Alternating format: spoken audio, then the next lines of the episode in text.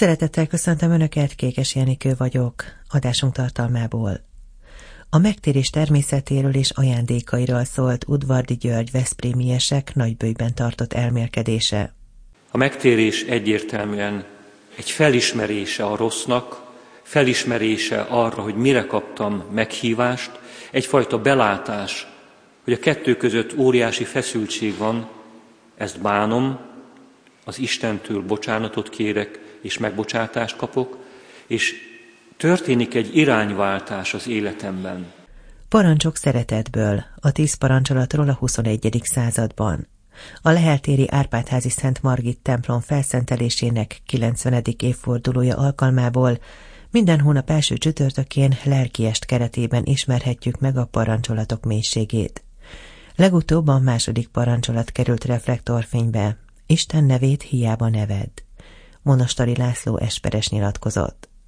A név azt jelenti, hogy az nem egyszerűen egy, egy megszólítás, hanem azt jelenti, hogy akinek ami a neve, az mindig elárul valamit a leglényegesebb tulajdonságai közül. Amikor az egyház megtérésre indít bennünket, akkor arra buzdít, hogy erőforrásként tekintsünk a megtérésre. Öt héten át Nagybőjt minden szerdáján Udvardi György érsek a Veszprémi Károly templomban Szent Mise keretében hív elmélkedésre. Buzdít bennünket a Szentírás, mikor azt mondja, teremjétek a bűnbánat méltó gyümölcsét, kezdte elmélkedését a megtérés természetéről és ajándékairól Udvardi György. A helyszínen készült előadást hallják. A bűnbánat méltó gyümölcse kettős jelentéssel bír. Egyrésztről utal, irányítja figyelmünket a bűnbánattartásra és annak őszinte voltára, másrésztről pedig figyelmünket a megtért léleknek az örömére irányítja, amit húsvétkor szeretnénk megünnepelni. Megtérésről sokszor beszélünk. Egyre több helyen jön elő az egyházban is a megtérés valamilyen szó összetételben. Sokszor a köznapi gondolkodásban a megtérés az mégis egyfajta kudarccal kapcsolódik össze. Azért kell megtérnem, mert valami nem sikerült, mert valamit elrontottam, mert negatív élmények értek, vagy rossz úton járok. Ez sok esetben igaz. Mégis, amikor az egyház megtérésre indít bennünket, akkor arra buzdít, hogy erőforrásként tekintsünk a megtérésre. Mi keresztény emberek is találkozunk a bűnnel. Életünk tragédiája, erről volt szó az előző elmélkedésekben, hiszen ismerem az Istennek a jóságát, és mégis ellene döntök. Vagy ahogyan a szentírási szakaszok figyelmeztettek bennünket, ismerjük az Úr törvényét, és nem a szerint járok. Vagy nem a szerint fogalmazom meg az életem számára. Sokszor megtapasztaljuk ezt a kettősséget egyházunkban is. Amit hirdetünk, ahogyan hirdetjük, és ahogyan az egyház bennünk tagjaiban megéli ezt a magasztos hivatást. Fájdalomként érint bennünket, az új élet, a Krisztus élet elgyöngülhet, és meg is halhat bennünk. Gondoljunk csak a halálos bűnre. Szükségünk van keresztségünk után is megtérésre. Sokszor ez inkább tragédiát, inkább kétségbeesést jelent számunkra, pedig a megtérésre szóló felhívás az meghívás az életre, arra az életre, amivel az Isten meg akar ajándékozni bennünket, amit megnyertünk a keresztségünkben. De kétségtelen tény, szükség van a megtérésre, szükség van a folyamatos megtérésre és megújulásra is. Miért? Szent Ágoston azt mondja, a bűn az örök törvényel ellenkező szó, cselekedet vagy vágy. Pontosan ezt éljük át. Az örök törvényel ellenkező szó, cselekedet, vágy érint meg bennünket. És miért rossz ez? Mert Isten szeretete elleni engedetlenséget mutatok.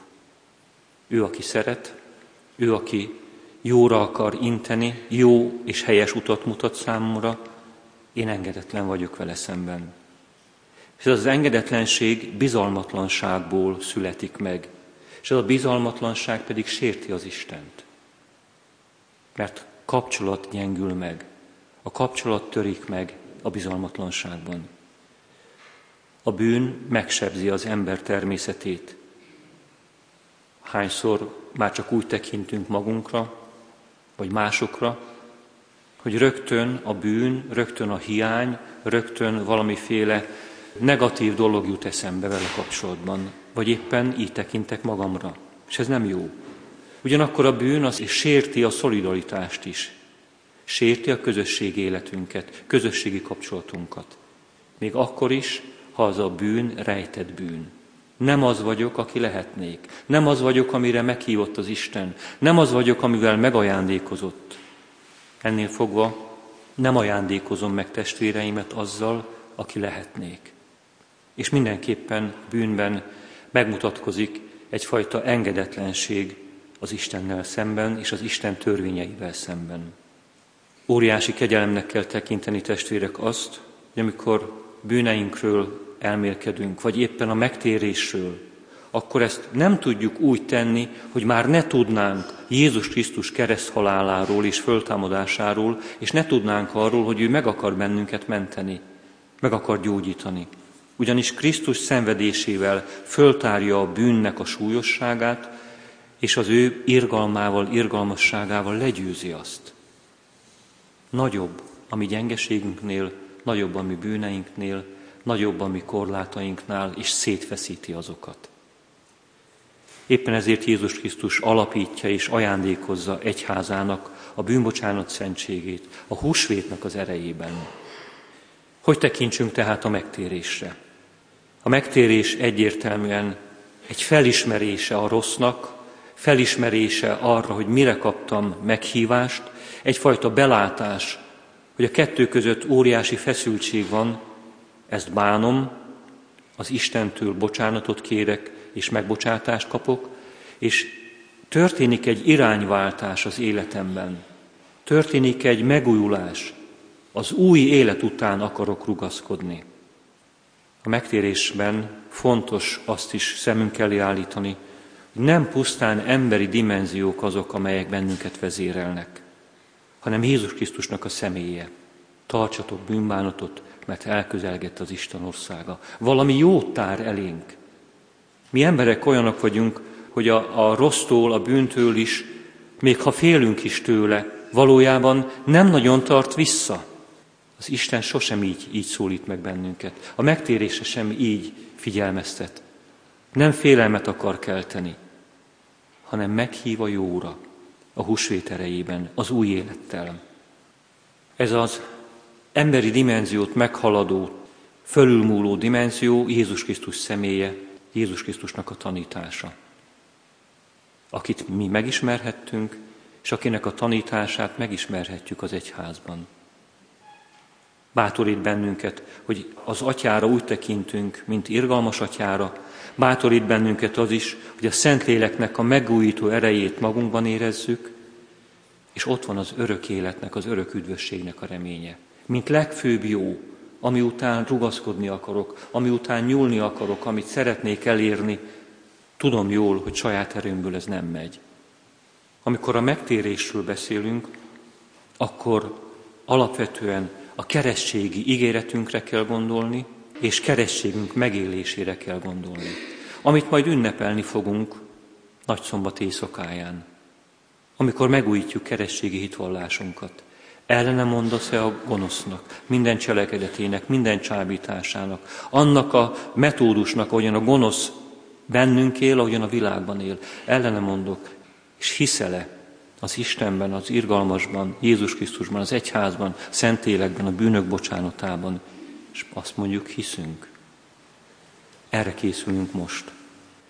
Vagyis a megtérésben van egy elfordulás attól, amit rossznak ismerek föl. És milyen nagy kegyelem, hogyha az életemben fölismerhetem, hogy valami rossz, valami nem jó felé vezet. Sokszor megijedek ettől, de örülni kellene. Milyen jó, hogy most már látom. Milyen jó, hogy láthatom.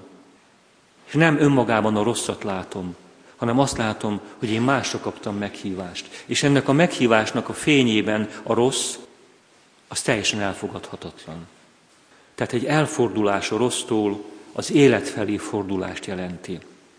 Jelenti azt is bűneim fölfedezésében, fölfedezem saját méltóságomat, és ennek megfelelően akarok élni.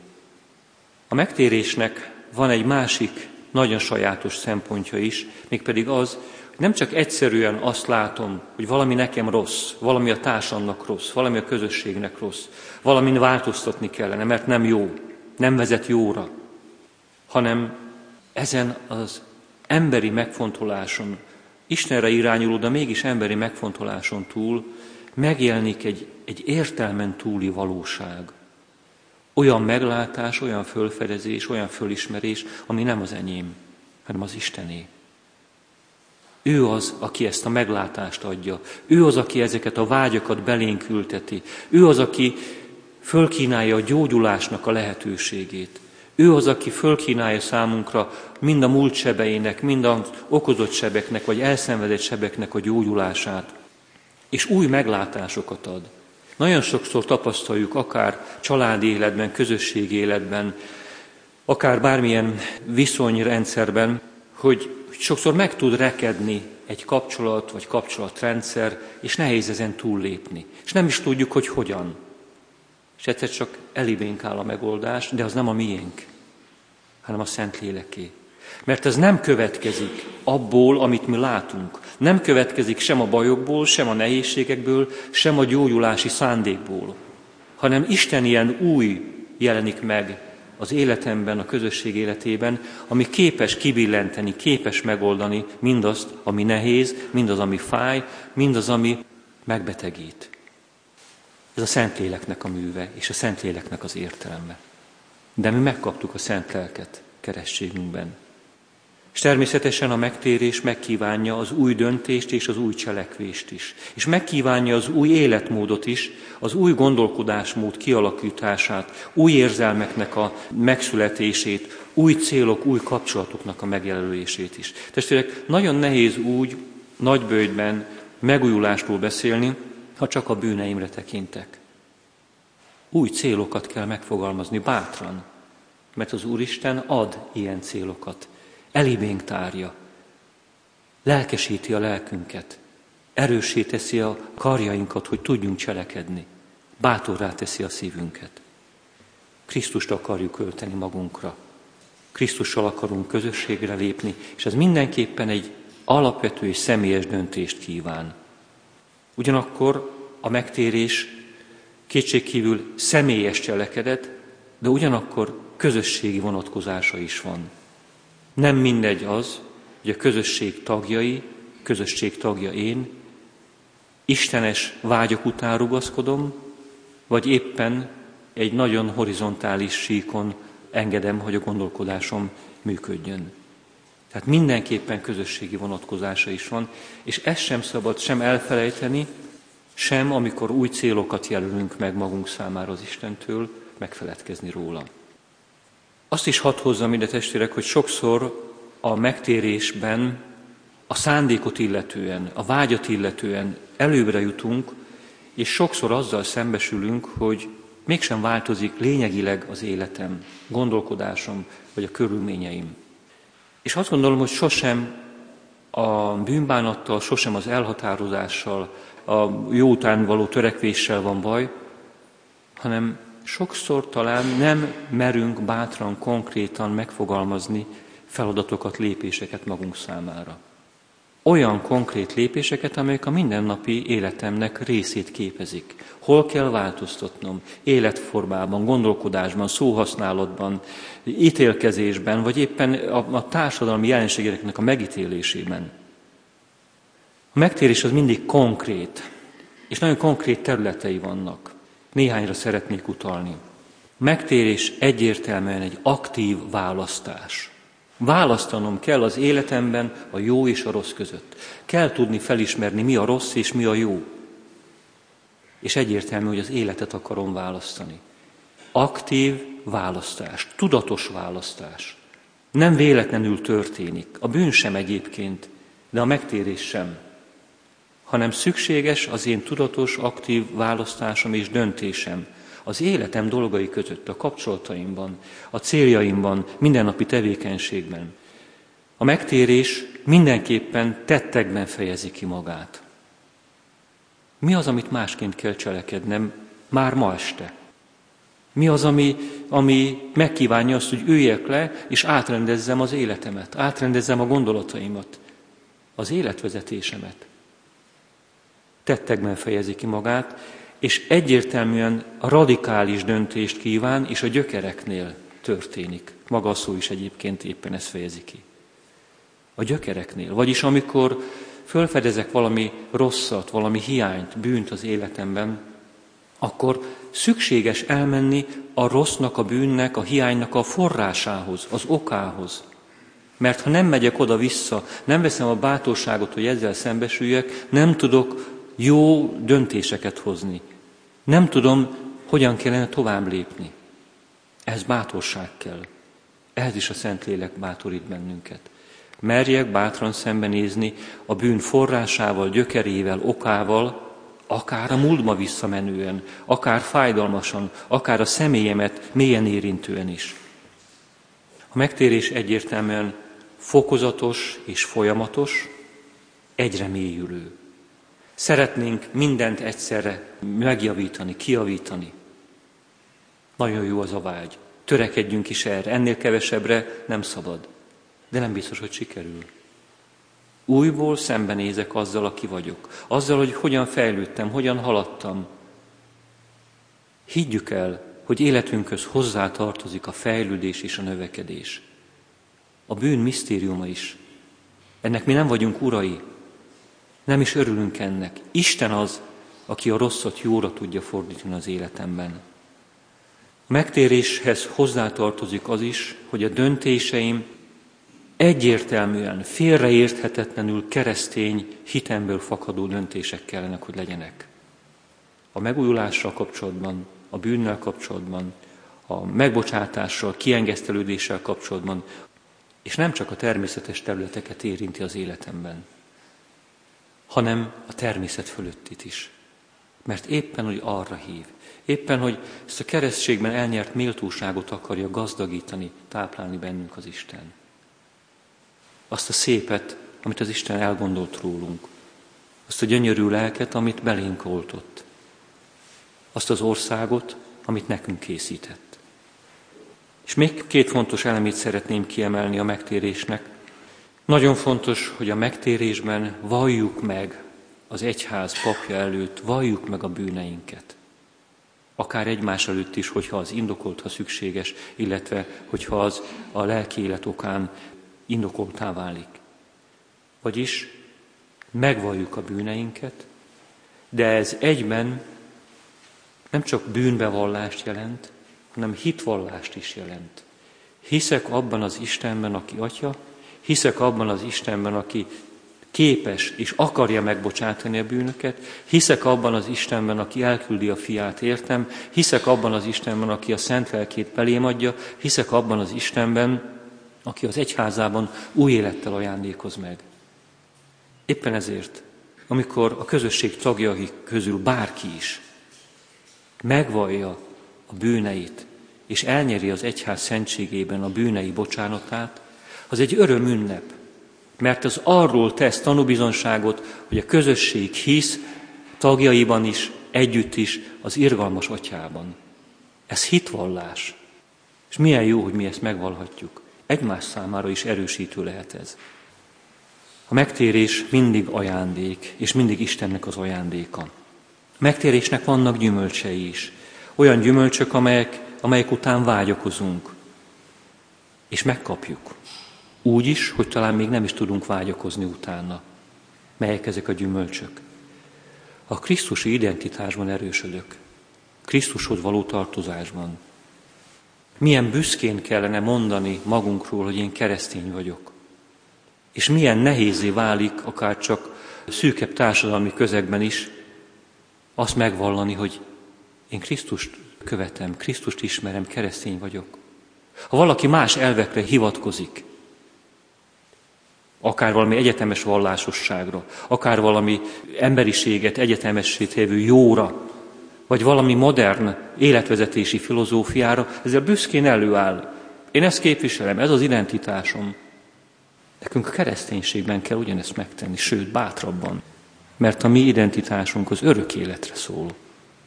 Még 12. Pius mondotta, mai Európának nagyon nagy hiánya, hogy a jók meggyengültek a jó megtételében. És ezt látjuk. Ki tudja ezt megfordítani? Csak azok, akik merünk szembenézni az Isten irgalmával, elhisszük magunkról, hogy jóra kaptunk meghívást, és elhisszük magunkról, hogy kapunk hozzá erőt. Önmagunkban is, és közösség életünkben is. Mindenképpen gyümölcsként jelenik meg az életszentségre törekvésnek a felszítása. Újból akarok jó lenni. Milyen jó a bűnbocsánat szentsége vétele után kilépni a templomból is, és azt látni, hogy hát azért én más vagyok. A körülmények ugyanazok, de én más vagyok. Visszanyertem a szabadságomat. És bátrabban törekszem az életszentségre. Ugyancsak ajándék az, testvérek, hogy az egyházban otthon vagyunk. A közösség erősít bennünket. Olyan tanúságos a Emmauszi tanítványok története, amikor a tanítványok rohannak vissza az apostolokhoz ének idején, el akarják mondani, hogy találkoztunk az Úrral. El is mondják. És nem az, nem az a válasz, hogy tényleg és milyen volt, hanem mi a válasz? Mi is találkoztunk vele. Ez a közösségnek az ereje, hogy találkoztunk az Úrral. Az is, aki megbánja a bűneit, az is, aki a közösség tagjaként fogadja ezt a megtérést. Micsoda ajándék, hogy míg bűneim miatt nem vehettem magamhoz az eukarisztiát, a bűnbocsánat után, megtérésem után vehetem magamhoz. Éltet. Az egyházam szolgálatra nevel, az egyházam misszióra nevel. De csak a megtért ember tud szolgálni, és a megtért ember tud evangelizálni, tanúságot tenni. Mindenképpen a megtérésnek a gyümölcse, hogy az emberi élet megújul, és megújíthatjuk kapcsolatainkat. Nem várhatjuk mástól, ezt nekem magamnak kell kezdeni. Nem szoktunk erre gondolni, de érdemes, a megtérésben, a felnőtt korú hitben tudunk növekedni. A felnőtt ember felnőtt hitében. Mert kész vagyok az Isten iránti bizalomra, kész vagyok a fejlődésre, a növekedésre, kész vagyok a hitért, hitemért való küzdelemre, kész vagyok a kereszt hordozására. Ez a megtérésnek az ajándéka. Az újjászületett bizalom, a növekedés vágya, a hitért való küzdelem és a kereszt hordozására való készség. Mert ettől az Isten nem ment meg bennünket, de ezeken keresztül akar boldoggá tenni. És nekünk adja a teljes és a jövő életnek reményét, mint a megtérés gyümölcsét. Tehát testvérek, amikor a megtérésünkről gondolkodunk, akkor a megtérés gyümölcseiről is kell gondolkodnunk, amikor a megtérés vágya vagy szükségessége félelemmel tölt el, akkor sokkal inkább gondoljunk arra, a megtérés számunkra isteni erőforrás. Isten az, aki adja ezt számunkra. Isten ismeretében való növekedés, Isten szeretetében való növekedés. A megtérésben bármennyire is fontos és nélkülözhetetlen az én szerepem, Isten a kezdeményező. Legyen bátorságunk befogadni ezt, és legyen alázatunk befogadni Istennek a jóságát. Adja Isten, hogy a megújult lélek öröme után vágyakozzunk, és ennek a vágynak az erejében tudjuk alakítani, formálni Krisztus módjára az életünket. Udvardi György Veszprémiesek nagyböjti elmélkedését hallották a megtérés természetéről és ajándékairól. Parancsok szeretetből, a tíz parancsolatról a 21. században címmel indított lelkiestet Monostori László Esperes plébániai kormányzó a Szent Margit 90 jubileumi év keretében a Leheltéri Árpádházi Szent Margit templom felszentelésének 90. évfordulója alkalmából. Minden hónap első csütörtökén az esti szentmisét követően, ahol két szín alatt vehetjük magunkhoz az oltári szentséget, ismerhetjük meg a parancsolatok mélységét. Márciusban a második parancsolat Isten nevét hiába neved került középpontba. Örömünkben, bánatunkban, áldásunkban, dicsőítésünkben szólítunk valakit, aki nálunk hatalmasabb. Szólítjuk Istent. De hogyan hívjuk őt? Teremtő, Úr, Atya, Krisztus, Mester? Ha nevén szólíthatjuk, akkor valamilyen módon kapcsolódunk hozzá. Monostori László Esperes egy kormányzóval beszélgettem a második parancsolatról. Menjünk vissza időben az ókorba, mert úgy gondolom, hogy egész mást jelentett a név a régi embernek, mint a mai embernek, mert ugyan persze ma is van annak jelentősége, hogy kit hogyan hívnak, de napjainkban inkább az számít, hogy így be tudjunk azonosítani valakit. Persze a családnév az fontos, hiszen ebből kiderül az esetek többségében, hogy kikinek a rokona, kikihez tartozik, de valljuk meg őszintén ma a 21. században leginkább a keresztnevet az alapján választják ki a szülők, hogy melyik szimpatikus nekik a fiú nevek közül, a lány nevek közül. Ritkán előfordul, hogy a védőszentre is gondolnak, hogy akkor ki legyen a gyermek védőszentje, de általában ízlések, divatok, esetleg rokonoknak a nevei, amely felmerül ilyen döntéskor, amikor megszületik egy gyermek, és nevet adnak neki. Nos, a régi ember, az ókori ember, sőt akkor még szűkítsük, hogy az ószövetségi ember, az ószövetségi zsidó ember számára a név ennél sokkal többet jelentett. A név azt jelenti, hogy az nem egyszerűen egy, egy megszólítás, hanem azt jelenti, hogy akinek ami a neve, az mindig elárul valamit a leglényegesebb tulajdonságai közül. Az ószövetségi ember számára a név valami a lényegből, a legbensőből. Éppen ezért őrzi egyfajta titok az Istennek a nevét, hogyha megnézzük az Ószövetséget, mert a második parancsolat Isten nevét hiába neved, pont ezt a szentet, ezt a transzcendenset hivatott védeni. Hogy az Isten neve az ne egyszerűen egy közszájon forgó hétköznapi névvé váljon, hanem megőrizze a szentséget. Tehát ősi hagyomány a zsidóságban, hogy Isten nevét nem szabadott egyáltalán kiejteni. Tehát évente egyszer a legfőbb főpap a szentek szentjében kimondhatta a Jáhve nevet, és amikor olvasták az írásokat, akkor, hogyha az Isten nevéhez értek, akkor helyette az Adonáj, vagyis az Úr szóval helyettesítették, szintén tiszteletből, hogy ne kelljen úgymond feleslegesen kiejteni a szájukon a nevet, vagy hát tiszteletből olyan értelemben, hogy hát ki vagyok én, halandó ember, hogy a számra vegyem Istenemnek a nevét. És éppen ezért volt egy óriási dolog, amikor az Úr megjelent Mózesnek az égő csipkebokorban, és amikor elmondott valamit magáról. Tehát Mózes megkérdezte, hogy ki vagy te? És erre mondta azt az Úr, hogy én vagyok, aki vagyok. És ezzel elárulta az Isten, hogy, hogy mi van az ő bensejében. És még hogyha magyarul kicsit talán sután is hangzik ez, hogy vagyok, aki vagyok, ezt többféleképpen értelmezhetnénk, hogy mit jelent ez, hogy hát vagyok, aki vagyok, ez ilyen találós kérdés, vagy, vagy, vagy valami fajta nesze semmi fog meg jól. Nem, sokkal inkább, hogyha megnézzük a Héber eredetit, akkor azt látjuk, hogy az, hogy én vagyok, aki vagyok, ennek van egy olyan jelentése, hogy én az vagyok, aki jelen vagyok számodra akire számíthatsz, aki nem fog téged elhagyni, aki ott vagyok veled akkor is, amikor bajban vagy. Ez a jelenlét, a, a kísérés, a gondviselés, ez mind benne van Istennek ebben az ősi nevében, amelyet Mózessel így közölt az égő csipkebukorból, hogy én vagyok, aki vagyok. Szeretett kapcsolatot, bensőséges intimitást fejez ki, ha valakit a nevén tudok eh, szólítani.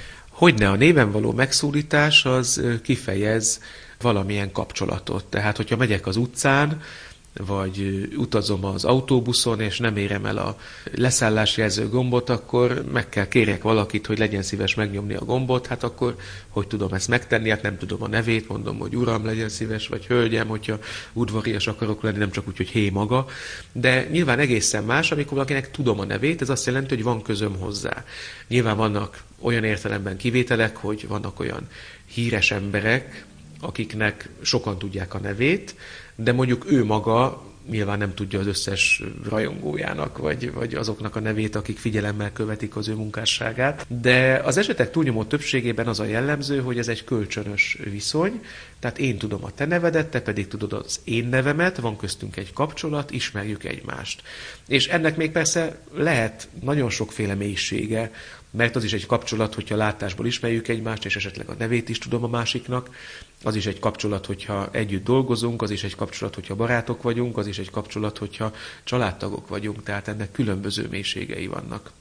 Egyszer egy illemtan etiketkönyvet forgatva olvastam azt, hogy van egy ilyen szokás, ezt korábban nem ismertem, egy ilyen illemszabály, hogyha valakinek a munkája révén nyilvánvalóvá kell tennie a nevét, teszem azt, erre látunk példát, akár éttermekben, vendéglátásban, akár turizmusban, de akár a, a kereskedelemben is, hogy mondjuk egy, egy eladó, egy pincér, egy recepciós, akár az teljes nevét, akár a keresztnevét ki van írva a ruházatára, hogy megszólítható legyen, de ez az illem szabály, amit én olvastam, ez azt javasolta, hogy még ha ki is van valakinek írva a neve a ruházatára, akkor is inkább kerüljük el, hogy a nevén szólítsuk, mert ennek lehet egy olyan nem igazán udvarias, nem igazán kedves jellege, vagy, vagy, vagy egy ilyen, ilyen érzést kelthet az illetőben, mert ez egy egyenlőtlenséget mutat ki, hogy én tudom az ő nevét, mert neki kötelezően viselnie kell, ő pedig nem tudja az én nevemet, és ez, ez egyfajta udvariatlanságra adhat okot. Nem tudom persze ez mennyire van így kőbevésve, de én elgondolkoztam ezen a javasolt etiket szabályon, hogy tényleg tiszteljük meg a másikat azzal, hogy a nevével ne éljünk vissza, ne dobálódzunk vele csak úgy, és adjuk meg azt a lehetőséget, hogy hát ha szeretne, akkor bemutatkozik, és akkor már is sokkal jobban feljogosítva vagyok arra, hogy néven szólítsam őt, mert a név az valahol nagyon bensőleg az egyéniségünkhöz, a személyiségünkhöz, a belső világunkhoz tartozik, és nem szoktuk mindenkinek csak úgy elmondani, még ha nyilván nem a legféltebb titkokról van szó, hiszen amikor bemutatkozunk, akkor automatikusan elmondjuk a nevünket, de mégis amikor valakinek elmondom a nevemet, akkor ott már egy kapcsolat kialakul. Tehát a, a, a név az, az valahol kinyit egy, egy más minőségű kapcsolatot, lehetőséget teremt arra, hogy egy más szinten, egy személyesebb szinten lépjek kapcsolatba valakivel. És úgy gondolom, hogy ez a jó Istennel való kapcsolatunkra is igaz. Tehát amikor mi keresztények imádkozunk, akkor nem egyszerűen úgy imádkozunk, hogy te ott fönn, ha létezel, akkor, akkor hallgass meg imámat, hanem meg tudjuk szólítani az Istent. Istennek neve van. Említettük már, hogy az Ószövetségben Adonai neve volt. Hogyan alakult ez az új szövetségben? Mert itt már kimondja a nevet. Igen, de az új szövetség annyiból egészen új alapot ad Isten nevének használatában, hogy ugye Jézus Krisztusban maga az Isten jött el közénk, a második isteni személy, az Atya egyszülött fia, Jézus Krisztus, ő nem csak hogy a nevét elmondta, hanem az arcát is megmutatta. És egy rövid kitérőt hadd tegyek ezzel kapcsolatban, mert igen fontosnak tartom, hogy még a zsidóságban, és egyébként az iszlám vallásban is szigorúan tilos az Istent ábrázolni. Tehát képzőművészeti alkotások, festmények, szobrok, stb. Addig a kereszténységben ez nem egyből, de az évszázadok folyamán ez egyre inkább kitágult és szabaddá vált, aztán a második níceai zsinat 787-ben ki is jelentse, hogy a képtilalom már nem érvényes. Miért? Mert Isten maga döntött úgy, hogy megmutatja nekünk az arcát. Tehát Isten többé nem elérhetetlen, nem ábrázolhatatlan a számunkra, hanem ő maga döntött úgy, hogy megmutatja az arcát, tehát ábrázolhatjuk is. És akkor itt kanyarodnék vissza a névre, az, hogy Jézust meg tudjuk szólítani, és sokféle névvel megtehetjük ezt, ez is a, olyan szép bőség, mert mindegyik megszólítás egy más-más tulajdonságát fedi fel. Hogyan is szólítsuk Jézust? Hát ugye Jézus, aztán Krisztus, Mester, Úr, ezek a megszólítások rabbi, ezek mind egy-egy más szempontból világítanak rá, meg ahogyan ő, Jézus maga biztat minket, hogy az Istent, a mindenhatót, a háromszor szentet, hogy atyának szólíthatjuk, hogy ő a mi mennyei atyánk. Hát ez is egy egészen új, családias megszólítás. És nagyon érdekes, hogy az eredeti szövegben Jézus azt mondja, hogy úgy szólítsuk az atyát, hogy abba. Na most ez magyarul nem is annyira a mai magyarban, nem az atyaszóval fordítható le, hanem apu, papa, valami nagyon bizalmas, egy, egy nagyon családias megszólítás. Tehát Jézus tényleg arra biztat minket, hogy az Istent, a hatalmas Urat úgy szólítsuk meg olyan bizalmasan, mint a tulajdon édesapánkot. És ez akkor már nem csak a névről szól, hanem az egész Isten és ember kapcsolatáról. Érdekes, hogyha megnézzük a tíz parancsolatot, akkor mind egyes szám második személyben van. Tehát már ez is egyfajta bensőségességet, közvetlenséget nekem szólva adja a szeretet törvényét. Igen, tehát Isten szeretne kapcsolatba lépni velünk, ezért küldte el Jézust ide a földre, hogy elhozza az örömhírt, hogy meg vagyunk hívva a mennyországba, hogy van bűnbocsánat, van megváltás, nincsen teljesen elrontott élet, és hogy aki hisz annak az életének nem lesz vége a halállal, hanem átmehet egy új, egy örök életbe és biztos, hogy Isten mindannyiunkhoz személyesen szól, és ő is van, hogy néven szólít bennünket. Tehát amikor Isten szólt a profétákhoz, akkor gyakran néven szólította őket. Amikor Jézus szólt a tanítványaihoz, akkor is gyakran néven szólította őket. És napjainkban sem előfordulás nélküli eset, néha-néha előfordul, nyilván nem egy hétköznapi dolog, hogy valaki az Isten szól, például az álmában vagy az imádságában, akkor bizony előfordul, hogy ma is valakit Isten egészen konkrétan néven szólít. Azt kérjük, hogy taníts meg minket imádkozni, és amikor imádkoztok, így imádkozzatok mi, atyánk. Hát már ez is egy közvetlen kapcsolatot feltételez. Jézus azt szeretné, hogy ne csak a barátai, hanem tényleg a testvérei legyünk. És ez, hogy magát a mindenhatót atyának, apukánknak hívhatjuk, ez több dolgot jelent. Egyrészt jelenti, hogy mi is Isten gyermekei vagyunk. A mennyei atya úgy szeret minket, mint a saját gyermekeit, és tudjuk, hogy a szülői szeretet, hát az egyik legerősebb, hanem a legerősebb szeretet kapcsolat, amit mi itt a Földön ismerünk. Tehát egyrészt jelenti ezt a szülő-gyermek kapcsolatot. Másrészt jelenti azt, hogy mi Jézusnak tulajdonképpen a testvérei vagyunk. Hiszen ha Jézus Krisztus a mennyei atyának a fia, és mi is atyának szólíthatjuk az Istent, akkor Jézus a mi testvérünk. Ez is egy óriási, hallatlan nagy megtiszteltetés, méltóság, amit kiérdemelni nem tudunk, amire abszolút nem vagyunk méltók, de Jézus annyira szeret minket, hogy ő belevesz minket a saját családjába. És még egy dolog következik ebből, amire lehet, hogy elsőre nem is gondolnánk, de ez is nagyon fontos, hogyha mi mindannyian Istent atyánknak hívhatjuk, és mi mindannyian Jézusnak is a testvérei vagyunk. Ez azt jelenti, hogy mi emberek, mi keresztények egymásnak is a testvérei vagyunk. Vagyis Jézus azt szeretné, hogy mi olyanok legyünk, mint egy nagy család. És hát persze sokan vagyunk keresztények, hála Istennek, nyilván nem ismerhetjük az összes keresztényt a világon, de legyen ez, hogy valaki Jézushoz tartozik, ez, ez önmagában egy olyan jel, egy, egy olyan pozitív előítélet bennünk, amely által tudatosíthatjuk magunkban, hogy mi egymáshoz tartozunk, nekünk van közünk egymáshoz, mert egy a mi atyánk a mennyei. Ezt feltételezi az Isten gyermekségünkben a megkeresztelkedésnél a kereszt névválasztás, a bérmálkozásnál a bérma névválasztás, a szerzetesek is nevet választanak, vagy nevet kapnak, illetve a házasságkötésnél is felvetik egymás nevét.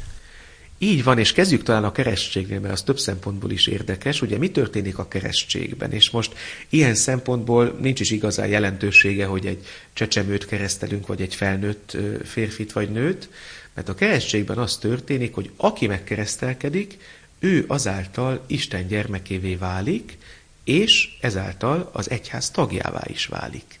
Tehát az Isten gyermekséget mi tulajdonképpen a keresztségben kapjuk meg, ezért is fogalmaztam úgy az előbb, hogy mi keresztények, mi, akik meg vagyunk keresztelve, mi ilyen értelemben testvérek vagyunk.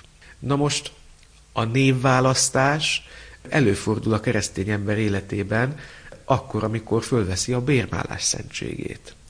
Mert ahogy a legtöbbünket csecsemőkorunkban kereszteltek, a bérmálást már fiatalként szokás megejteni, én magam 14 éves voltam akkoriban, és olyan jó érzés volt, hogy gyerekkoromban a szüleim választottak nekem védőszentet, de fiatalként a bérmáláskor már én választhatok magamnak védőszentet.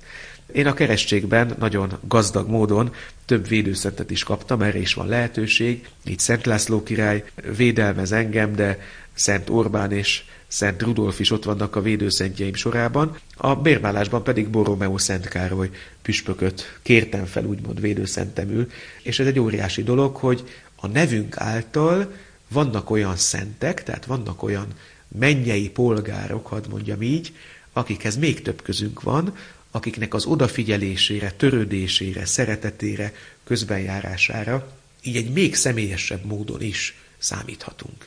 Amit az előbb említett, hogy a szerzetesek közül is nem mindegyik, de sok szerzetes rendben szokás, hogy valaki választ magának egy szerzetesi nevet, nem is biztos, hogy választ. Van olyan szerzetes rend, ahol ezt az előjáró jelöli ki. Ez kicsit ilyen értelemben hasonló, mint a bérmálásnál említett példám, hogy, hogy itt is egy új védőszenttel gazdagodik az illető, amely még jobban az identitásának a részesévé válik, hiszen, hiszen onnantól fogva, hogy így is fogják szólítani általában, tehát ez egy nyilvánosságot kapó új név, úgyhogy ezeket az alkalmakat mindenféleképpen érdemes figyelembe vegyük, hiszen ezek mind arra is jók, hogy itt a védőszentekkel való kapcsolatunkat és az ő, ő segítségükre való tudatosításunkat, odafigyelésünket így napirenden tudjuk tartani.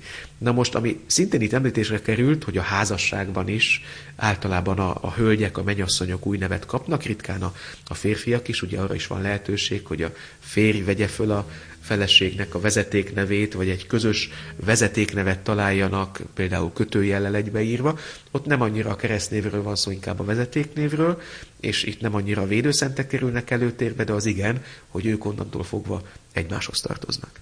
Még egy dolog, ez nyilván ritkán fordul elő, de már az én életemben is kétszer előfordult, volt két pápaválasztás. Amikor valaki a katolikus anyaszent egyház feje lesz, akkor ő is fölvesz egy nevet. Tehát így vette fel József Ratzinger a 16. Benedek pápa nevet, és a Benedekben itt, itt benne volt a Nurziai Szent Benedek Európa védőszentjeként nagyon hangsúlyos volt, illetve amikor Bergolyó bíboros fölvette a Ferenc nevet, ő pedig kifejezetten megemlítette, hogy ő nem Xavéri Szent Ferencre gondol, a nagy misszionáriusra, a jezsuita szerzetesre, mert logikus lett volna, hogy rá gondol dél-amerikaiként és jezsuitaként, de mondta, hogy ő Assisi Szent Ferencre gondol, aki viszont a szegények védőszentje. Tehát Ferenc pápa ezzel nyilvánvalóvá tette, hogy a névválasztás nem csak, hogy nem véletlen, hanem nagyon is tudatos, és ezzel ő már üzenni szeretne, hogy ő a szegények pápája kíván lenni. Loyolai Szent Ignácnak van egy elmondás, hogy akkor mondjuk ki az Isten nevét, ha igazat mondunk, ha komoly dologban mondjuk, ha szükséges, és ha tisztelettel tesszük. Bár csak így lenne. Valahol pont ezt szeretné a második parancsolat is a szívünkbe vésni, hogy Isten nevét hiába neved. És őszintén szólva, hogyha szétnézek a világban, vagy nem is kell nagyon szétnézni egyszerűen, ha nem teszek füldugót vagy fülhallgatót a fülembe és megyek az utcán, hát az léten nyomon hallom, hogy sokan Isten nevét gyakran kötőszóként használják, és még szinte ez a jobbik eset, bár ez se ideális, sőt ez is kerülendő, de hát amikor a szívem tényleg összeszorul, az a konkrétan a káromkodás. Ez sokan összekeverik, a felnőttek közül is, hogy a káromkodás meg a csúnya beszéd az nem teljesen ugyanaz. És itt már rá is tértünk arra, hogy hogyan védkezhetünk a második parancsolat ellen. Pontosan, hiszen ez összefügg azzal, hogy még a csúnya beszéd az inkább egyfajta primitív, vulgáris, hétköznapi szóhasználatban inkább egymás közt használt kifejezések használatát jeleníti meg. A káromkodás az egy sokkal súlyosabb probléma, az egy nagy bűn, amikor valaki magát az Istent, a mindenhatót, a teremtőt, aki szeret minket, őt illeti mindenféle obszcén, vulgáris szavakkal, tehát vagy a jóistent, vagy a szenteket, vagy szent helyeket, szent tárgyakat, szent edényeket, ezt nevezük káromkodásnak. Na most ez az, amit nekünk keresztényeknek abszolút kerülnünk kell. Tehát, hogy, hogy szerintem erre tényleg nagyon érdemes odafigyelnünk, hogy a jóistent ne szidalmazzuk, ne illessük obszén szavakkal, mert, mert ez nem keresztényhez illő magatartás. Persze az belefér, hogy az imádságban, hogy panaszkodom Istennek, vagy esetleg elmondom neki, hogy, hogy mit nem értek, hogy, hogy egy picit így, így az imádságban, a személyes imában így, így akár felelősségre is vonhatom őt idézőjelben. Tehát, hogy, hogyha van egy személyes kapcsolat, ahol őszinte lehetek, az rendben van, na de ne illessük akkor se csúnya szavakkal. Tehát így bizony tényleg lehet véteni a, a második parancsolat ellen. És hát a, a másik, amit az előbb már megpendítettem, amikor valaki így mondom, hogy kötőszóként használja a jó Isten nevét, az se jó mert nem tudatosan tesszük, és akkor lehúzzuk az Isten nevét, egy ilyen érzelem kifejező hangulat szóvá tesszük, és, és az, az, az nem jó. És nem is szívesen mondok példákat, remélem a rádióhallgatók sem maragszanak ezért, de tényleg amikor egy sóhajként, vagy a megdöbbenés kifejezésére használjuk a jó Isten nevét, az, az, az nem szerencsés, próbáljuk meg ezt más, más szavakkal kifejezni, más szóösszetételeket használni ahhoz, hogy kifejezzük azt, ami bennünk van, de Isten nevét azt, azt hagyjuk meg, azt tartsuk fenn arra, hogy, hogy azt akkor ejtsük ki tényleg a szánkon, ki szabad ejteni, tehát nem, nem tilos, de hogy akkor azt tegyük tudatosan. És még egy dolog, ami eszembe jut, hogy mi, akik imádkozni szoktunk, mi napjában azért többször is keresztet vetünk. Akár étkezés előtti ima, reggeli ima, esti ima, vagy amikor elmegyünk egy templom előtt. És olyan szomorú látni, amikor, amikor ez a keresztvetés, ez inkább egy vakarózáshoz hasonlít valaki olyan slendrián módon, vagy tényleg olyan összeszedetlenül veti a keresztet. Igaziból maga a keresztvetés is egy hitvallás, és maga a keresztvetés is Isten megszólítása. Hiszen azt mondjuk közben, hogy az Atya, a Fiú és a Szentlélek nevében. És itt már háromszor is kiejtettük szánkon az Isten nevét, hiszen a három isteni szemét egyenként szólítottam meg a keresztvetésben, és éppen ezért ez a mai beszélgetésünk talán erre is alkalom, hogy ezen gondolkozunk közösen, vagy ez váljon tudatossá bennünk, hogy amikor keresztet vetünk, az nem csak bevezeti az imádságot, vagy lekerekíti azt, hanem az maga is egy hitvallás, és maga is egy imádság, a keresztetés. A második parancsolat vétkeihez tartozhat még a, a hamis tanúzás, a hamis eskü, hogy Isten nevére esküszöm, de már eleve tudom, hogy nem fogom azt megtenni, vagy megcsinálni. Jézus Krisztus nem véletlenül mondja, hogy szavatok legyen igen, igen, nem, nem, ami e fölött van, az az ördögtől való. Valóban ide tartozik ez a kérdés, de a nyolcadik parancsolathoz is, hogy ne hazudj, más becsületében kárt ne tégy, nyilvánvalóan ez sokkal súlyosabbá válik, amikor valaki eskü alatt, ráadásul a jóistent tanul hívó eskü alatt val olyat, ami nem igaz, ami hamis. Tehát ez, ez nem csak esküszegés, ez nem csak hazugság, hanem valahol egyfajta istenkáromlás is, hiszen itt nem más történik, mint hogy valaki Istent arra kéri, hogy ő legyen a hamis tanú egy ügyben. Ilyet sem csinálhatunk, hogyha komolyan veszük a hitünket. A beszélgetések elején szó volt arról, hogy mennyire fontos, hogy hogyan szólítjuk meg Istent, mit jelent nekem, mennyire vagyok vele bensőséges, szeretett kapcsolatban. Lehet, hogy akkor én most így kicsit búcsúzóul is egy, egy imádságot mondanék most a hallgatókért, és kérem a, a jó Isten áldását mindannyiunkra, hogy Isten segítsen minket abban, hogy betartsuk a parancsolatokat, és hogy az üdvösség útján járjunk, lejjük örömünket a hitben, a kereszténységben, és hogy tudjunk jó testvérei lenni Jézusnak is és egymásnak is. Uram, mindenható atyám, köszönöm, hogy megteremtettél engem, köszönöm, hogy meghívtál a papságra, köszönöm, hogy most is velem vagy. Kérlek, áldj meg minden rádióhallgatót, aki bekapcsolódott közös gondolkodásunkba. Segítsd őket, hogy felismerjék, hogy Te vagy Urunk, Te vagy életünk, és hogy egyszülött fiad Jézus Krisztus, ő az út, az igazság és az élet. Segíts mindnyájunkat, hogy merjünk téged megszólítani, hogy a parancsokban se elsősorban a tiltásokat lássuk, hanem azt a meghívást, amelyel minket terelgetsz az örök élet felé. Légy velünk, és segíts abban, hogy jó gyermekeid, és Jézusnak és egymásnak pedig jó testvérei legyünk. Ehhez kérjük szent lelked megerősítő, segítő kegyelmét. Amen. Kedves hallgatóink, Monastori László Esperes plébeniai kormányzót hallották a második parancsolatról.